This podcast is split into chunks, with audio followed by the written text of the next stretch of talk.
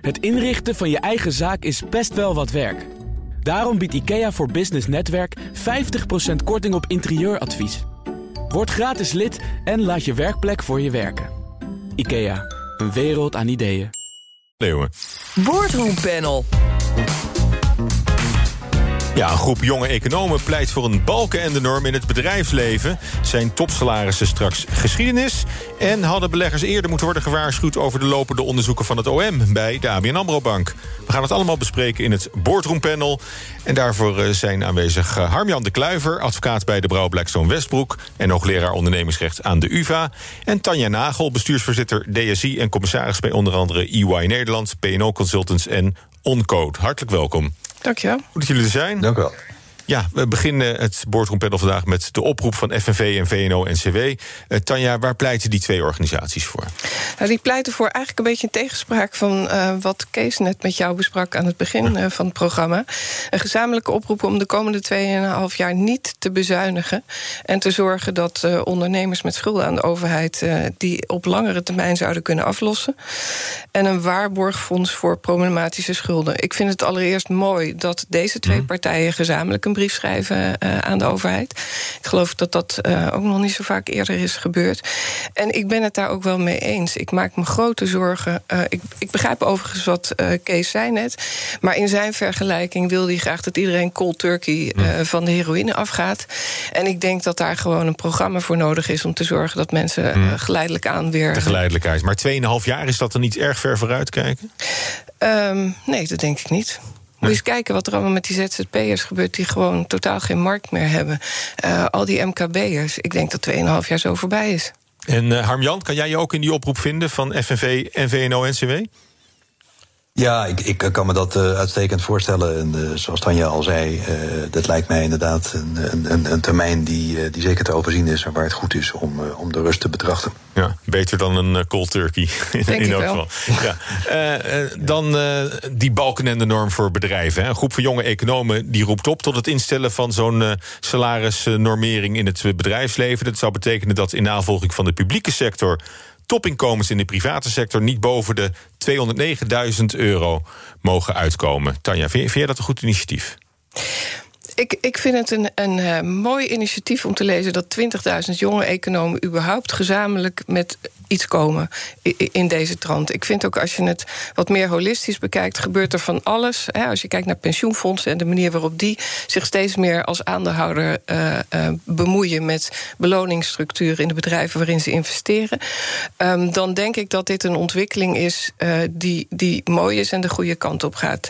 Tegelijkertijd heb ik wel zoiets, ja, er zijn een heleboel bedrijven waar je denk ik als overheid helemaal niet mee moet willen bemoeien. Want stel je bent DGA en je hebt je eigen bedrijf en je wil je zelf meer uitkeren dan 209.000 euro. Wie moet daar dan uh, een probleem van maken?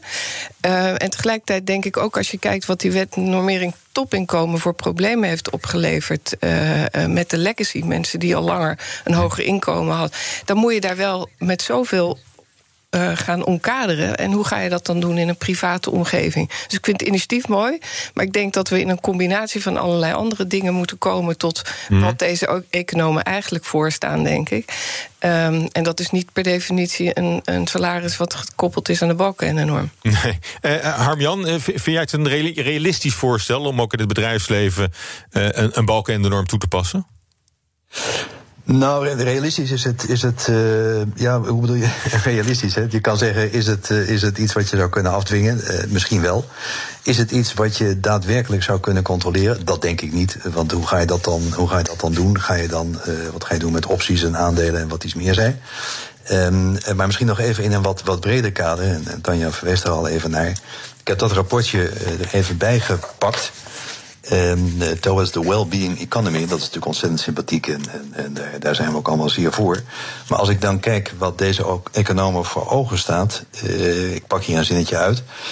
It also includes active coordination and financing provided by state-led investments. Dus met andere woorden, zij zien dit als onderdeel van een echt een totale verandering. Waarbij de staat ook aangeeft wat er mag worden geïnvesteerd in welke sector. Uh, en even verderop uh, staat bijvoorbeeld dat ook de public money creation, dat moet weg bij de banken. En de staat gaat dan bepalen hoeveel geld er aan mensen wordt uh, toegekend. without interest and on a debt-free basis. Nou, dat is natuurlijk een, een, een, prachtige, prachtige gedachte. Ik heb wel het gevoel dat we dit systeem eerder hebben geprobeerd in de vorige eeuw. En dat dat niet een geweldig succes is, is geworden. Ja, want waar loopt het dan op stuk? nou, dat, dat, zouden we, dat zouden we kunnen uh, zien door, door dan nog weer eens even naar, naar de Sovjet-Unie te gaan in de jaren 60 en 70. dat was natuurlijk een centraal geleide economie. En, en dat zit hier ook heel sterk in. Uh, ja, en ik, ik denk dat, dat, dat we daarvan zouden moeten zeggen... die kans zou je niet, zou je niet op willen. Ja. En, en, en, we zijn natuurlijk geen eiland ook, hè, Nederland. Dus ik, ik kan me ook voorstellen nee, nee, dat, nee, dat we ook niet alleen in Nederland... zo'n zo'n regeling zouden kunnen invoeren. Want hoe moet dat met bijvoorbeeld topbestuurders... Ja, buitenlanders die, die in Nederland een bedrijf leiden? Nou, ik, ik, ik denk dat, het, dat we het daar eigenlijk helemaal niet over moeten hebben. Het zou veel meer zich moeten concentreren op de langetermijn waardecreatie. Uh, die, je, die je toch in veel meer landen zich ziet ontwikkelen. Waarbij de beloning van bestuurders sowieso veel meer gekoppeld wordt aan die langetermijn waardecreatie. Uh, loonkloof, hè, er komt ook steeds meer discussie over wat moet nou het verschil kunnen zijn tussen de hoogstverdienende en de, en de minstverdienende in een organisatie. Ik vind dat veel logischer dingen om naar te kijken dan uh, het verhaal van die economen. Nogmaals, ik vind het een leuk verhaal, maar ze hebben het ook over het instellen van een burgerberaad. Alsof we de hele Tweede Kamer gaan vervangen per onderwerp. Het, het, het klinkt leuk, maar het lijkt me heel moeilijk te realiseren. Ja, en die balken en norm, we hebben het gehad over, over het bedrag, 209.000 euro. Dat, dat blijkt het uit de berekening van het FD. Um, Harmjan, als je dat vergelijkt met de topsalarissen die nu worden betaald in de private sector, hoe, hoe verhouden die, die zich tot elkaar? Ja, dat is lastig te zeggen, omdat het heel erg uh, per sector varieert. Hè. Er zijn natuurlijk uh, ook wel middelgrote ondernemingen die in die buurt zitten. Zijn ook middelgrote ondernemingen die veel meer betalen. Er zijn ook grote ondernemingen waar het ontzettend veel verschil maakt uh, waar je in zit. Jullie hebben het vast uh, al een keer gehad over Adyen en, en, en flow traders en zo.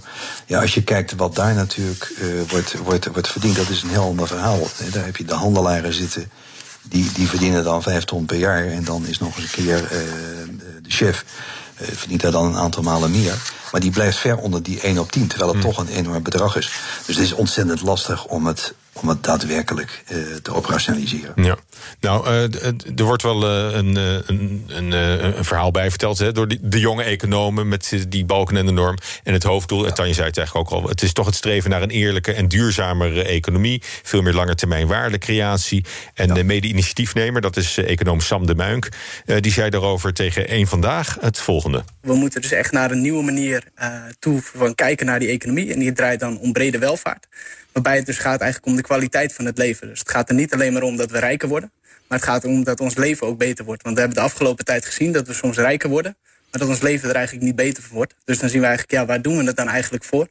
Dat rijker worden op zichzelf is niet per se een goed doel. Ja, nou, op zich een, een, een nobel streven, denk ik. Maar uh, Tanja, is, is dit middel geschikt om dat doel te bereiken? Nou ja, dan ga ik toch weer even terug naar die pensioenfondsen. Die, die nemen de stelling in... we willen graag dat onze mensen van pensioen kunnen genieten... in een leefbare wereld. Dat gaat ook breder dan welvarend zijn. Dat zegt ook iets ten aanzien van die wereld... die we leefbaar moeten houden. En ik denk dat dat ook iets is... waar die jonge economen zich op willen focussen. En daar kunnen we het natuurlijk alleen maar mee eens zijn. Maar de vraag is wel, wat is een logische methode om daar te komen? Dat gaat jaren kosten. Ja. Dat hebben we ook niet voor elkaar door over twee jaar een balken en de norm in te voeren in het bedrijfsleven. Nee. En uh, ja, Harmjan, als je, je kijkt ook natuurlijk ook niet alleen naar vaste salarissen. Daar zou je het dan over hebben, waarschijnlijk met die balken en de norm. Daar komen bonussen bovenop die vaak een, een nog een meervoud zijn eh, van, van ja, bedrag. Maar volgens de WNT zouden die daar weer in moeten zitten dan, hè? Ja. Ja, dat, dat, dat onderstreept dus dat het praktisch eigenlijk niet goed, uh, niet goed te doen is. Uh, want wat doe je dan met die aandelen? Je kan op een gegeven moment in jaar één kun je zeggen, uh, u krijgt twee ton aan aandelen. Maar als dat bedrijf het heel goed doet, ja, dan betekent het misschien dat je twee jaar later een veelvoud van dat, van dat bedrag verdient. En, en moet, moet iemand dat dan weer terugbetalen of zo? Dus het is, het is een, het, opnieuw, het is natuurlijk een sympathieke gedachte. Maar wat ik wel beetje raar vind, is het zijn economen, dus die denken van nou, wat je erin stopt moet kijken wat, wat eruit komt. Uh, wat is nou precies de hendel die je, die je gebruikt als je zegt we gaan de salarissen verlagen? Uh, wat, wat, wat wordt er dan beter van? Gaan die mensen dan beter functioneren? Doen ze dat niet? Uh, moet je daar niet naar kijken? En dat mis ik toch wel een beetje in, in hun verhaal. Ja, het is misschien de visie van buiten, van de politiek. Het is een beetje het, het uh, dichten van de verwachtingskloof, denk ik, die er leeft uh, in de maatschappij en in de politiek. Ja, ja. ja nee, en, dat is natuurlijk op zich een, een, een, terecht onderwerp, maar het wordt nu ingekleed als een, als een economisch paradigma. Mm. en, en dat heb ik er nog niet in kunnen lezen. Zaken doen. Ja, waar we midden in het boardroompanel zitten. Vandaag met Tanja Nagel, bestuursvoorzitter DSI... en commissaris bij onder andere EY Nederland, PNO Consultants en Oncode. Uh, Harmjan de Kluiver, advocaat bij de Brouwblacks van Westbroek... en verbonden aan de vereniging Effecten Uitgevende Ondernemingen. Ja, de Nederlandse beroepsorganisatie voor accountants uh, was in het nieuws, de NBA. Want die benoemde Ted Verkade onlangs als nieuwe voorzitter. Hij zou het roer overnemen bij de Verlangenvereniging. Maar na, na vragen van het eh, FD over zijn rol bij een uh, oud belastingsschandaal trok Ted Verkade zich terug. Harmjan, wat is hier, wat is hier gebeurd? dat, dat, weet ik niet. ik, ik, ben er zelf niet bij betrokken geweest. Dus ik moet het hebben van wat jullie altijd, altijd mooie zusterorganisatie in de krant, mm. de krant heeft opgeschreven. ik, ik heb er niet helemaal de vinger achter gekregen. Ik weet het gewoon niet. Ik zie dat er sprake is van een brief en dat, dat Ted zou hebben gezegd... we hebben niks illegaals gedaan en dat het verwijt zou zijn... dat, dat, eigenlijk, dat hij dat niet had moeten ontkennen. Uh, dus dat vind ik een beetje ingewikkeld. Uh, ik geloof dat iedereen het recht heeft om te ontkennen... dat hij iets illegaals heeft gedaan tot een rechter dat, uh, dat heeft vastgesteld. Iets, iets, anders is, en, dat, de, de, vraag zoals jullie die, die, die stelden net ja, waar moet je nou op letten als je een, als je een topman aanstelt of een topvrouw aanstelt? Uh, moet je nou echt ook allemaal dit soort dingen meenemen? Is dit nou relevant voor uh, de functie? Uh, er zijn natuurlijk zoveel dingen langzamerhand die iedereen van iedereen weet op, op internet. En er gaan allemaal dingen ook wel eens een keer mis moet je dat nou, hoe moet je dat nou wegen? Dat, dat vind ik best een lastige vraag. Ja. Uh, Tanja, jij bent commissaris bij EY, dus je kan niet al te specifiek ingaan op, op deze zaak. Maar, maar kan je niet ook zeggen, de, de NBA had, had gewoon beter iemand anders kunnen aanstellen? Nou ja, weet je, ik ben commissaris bij EY, maar weet natuurlijk net zo min als Armjan wat er mm. hier gebeurd is. Um, weet je, ik vind het zo jammer, want um, de sector ligt enorm onder vuur. Um, ook hier weer de mm. verwachtingskloof van de maatschappij en, en wat er gebeurt. er zijn heel veel mensen werkzaam in die sector die, die hun werk prima uitvoeren zonder krasjes. Want vanochtend was er ook een reactie van de NBA. Ja, het wordt wel lastig om iemand te vinden zonder krasjes. Vind ik ook jammer, want er zijn denk ik heel veel mensen zonder krasjes in de sector. Um, maar dit heeft in elk geval weer geleid tot uh, het vergroten van die kloof. En, en daar zijn we allemaal niet bij gebaat. Mm. Dus ik vind het wel zonde dat het gebeurd is. Ja, want uh, hij zou ook nog eens de eerste voorzitter zijn die niet afkomstig is van, van de grote vier: hè? Uh, KPMG, EY, PwC en, en Deloitte. Uh, dat, is dan misschien ook wel weer eens jammer. Dat juist iemand van. Uh, ja, en vooral ook omdat de MBA heel veel leden heeft die helemaal niet op een accountantskantoor werken, maar als accountant ergens anders werkzaam zijn. Dus het zou een hele goede stap zijn geweest. Ik geloof ook dat echt uh, de, de bekwaamheden van deze meneer helemaal niet ter discussie staan. Dat is gewoon zonde. Ja. En uh, ja, Harm-Jan, hoe, hoe ver terug in de tijd moet je ook gaan hè, bij het onderzoek naar aanstelling van nieuwe bestuurders? Ja, ja, nou ja, dat, dat, even, los van deze concrete uh, casus rond het verkade, want dat, dat, daar weten we niet genoeg van. Maar, maar dat is natuurlijk wel een vraag die opkomt. Hè? Uh, juist ook omdat die informatie zo beschikbaar is. En als je gaat, gaat, gaat zoeken, dan kom je natuurlijk altijd wel dingen tegen. En we zien steeds meer uh, dat mensen worden geconfronteerd met zaken uit het verleden. Dat, dat vind ik wel een, een lastig element. Als iemand nou een keer uh, uh, dronken een aanrijding heeft uh, gehad, laten we zeggen een eenzijdige aandoen, heeft, zichzelf in een paal geboord met zijn auto en, en twintig jaar later, of, of, wordt hij dan voorgedragen als CEO, moet je dan zeggen, nou dat kan toch eigenlijk niet. Of, of moet je zeggen, ja, dat, dat was in die tijd hebben we nog eens goed naar gekeken. inmiddels drinkt de man of de vrouw niet meer en is in ieder geval een stuk verstandiger geworden. Dat, dat zijn wel lastige hmm. dingen en daar kun je heel erg onder druk worden gezet door de publieke opinie. Ja. En de vraag is, moet je daar dan je oren naar laten hangen of niet? Nou ja, je krijgt toch een beetje dat de angst voor uh, publieke ophef... een beetje een leidraad wordt uh, misschien ja. voor, voor benoemingen. Ja, dat... Nou ja, en, en dit soort, uh, sorry Arjan, dit, dit soort ja. functies doen mensen toch meestal niet...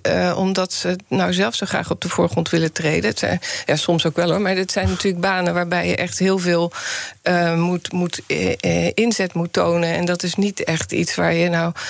dus voor je het weet zijn mensen ook niet meer bereid om dit te doen. Dat moeten we natuurlijk ook helemaal niet willen. Die kant willen we ook niet op. Ander, ander verhaal, de Vereniging van Effectenbezitters de VEB, stelt ABN AMRO aansprakelijk voor de schade... die beleggers leiden vanwege slechte informatievoorziening. De bank wordt eh, te weinig openheid verweten... in zaken de vervolging door het Openbaar Ministerie... vanwege schuldwitwassen. Eh, ABN AMRO zou niet alleen te laat informatie hebben verschaft... maar die informatie zou ook niet duidelijk genoeg zijn uh, vermeld.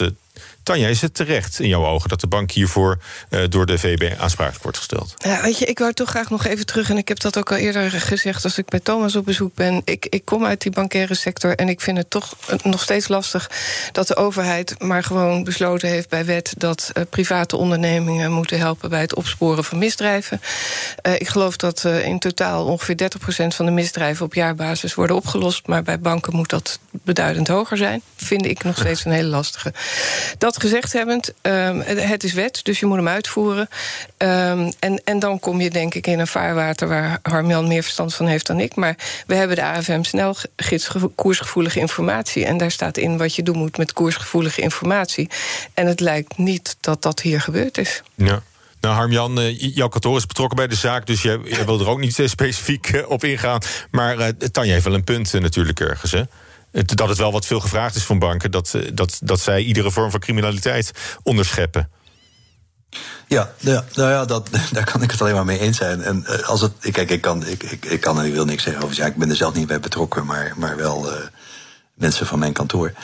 Uh, maar het, het, het, speelt ook door in de regelgeving over koersgevoelige informatie, want die is helemaal niet zo duidelijk. Uh, dus het is, je kan wel zeggen, het had eerder naar buiten gemoeten, maar er zit heel veel ruimte in die regelgeving. De regelgeving vereist dat uh, een feit concreet en specifiek uh, moet zijn. Dat is overigens Europese regelgeving, voor alle duidelijkheid, die voor, voor iedereen in Europa geldt.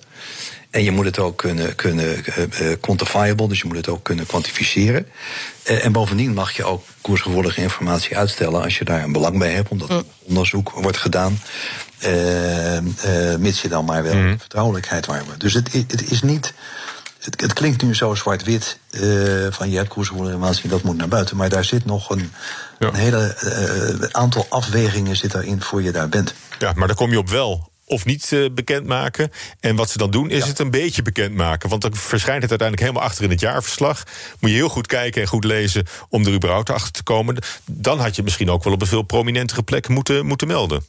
Nou ja, nogmaals, Harmjan weet daar veel meer van dan ik. Um, wat ik ervan heb begrepen is, als er dan gepubliceerd moet worden... dan doe je dat via een persbericht.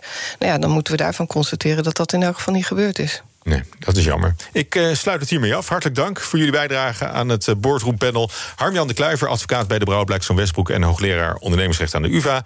En Tanja Nagel, bestuursvoorzitter DSI... en commissaris bij onder andere EY Nederland, PNO Consultants en Oncode. Dank jullie wel. En straks, kinderen kunnen steeds slechter met hun geld omgaan. Waar dat aan ligt, hoor je... Het inrichten van je eigen zaak is best wel wat werk. Daarom biedt IKEA voor Business Netwerk 50% korting op interieuradvies... Word gratis lid en laat je werkplek voor je werken. IKEA, een wereld aan ideeën.